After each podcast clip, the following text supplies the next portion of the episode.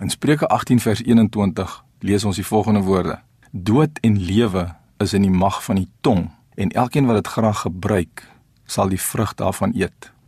Nou heidaglik veroorsaak hoë voedselinflasie, hoë rentekoersvlakke, die probleme met elektrisiteitsvoorsiening dat talle Suid-Afrikaners baie negatief gestem is. En hierdie negatiewe ondertone kom dikwels deur in mense se dag tot dag gesprekke. En ons hoor dan dat mense vir mekaar negatiewe dinge sê en negatiewe uitlatings maak. En dan vergelyk ons dit wat mense sê met dit wat God sê. Ons hoor dikwels dat mense sê ek bekommer my dood oor ons toekoms in hierdie land. Dit terwyl 1 Petrus 5 vir ons sê werp al julle bekommernisse op hom.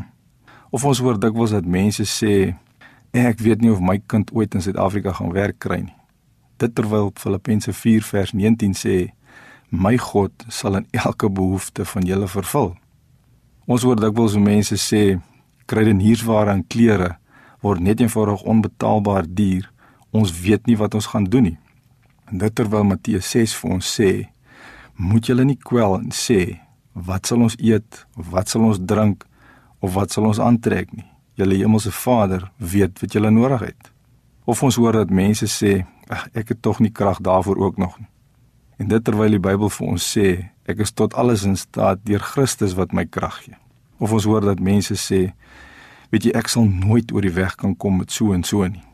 Dit terwyl die Bybel vir ons sê, leef in vrede met alle mense.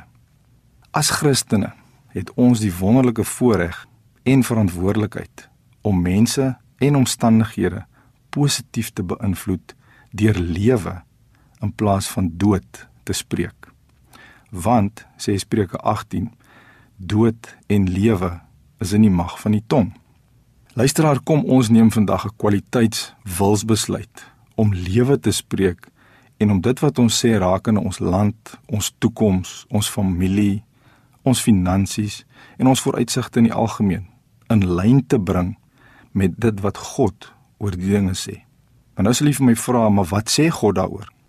Ek glo dat ons hierdie antwoord kry in Jeremia 29 vers 11. Daar sien ons wat God werklik sê oor ons toekoms.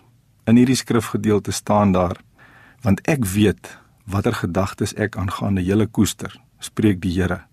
Gedagtes van vrede en nie van onheil nie, om julle 'n hoopvolle toekoms te gee. Hemelse Vader, dankie dat U vir ons 'n hoopvolle toekoms instoor het in hierdie mooi land van ons. In Jesus naam. Amen.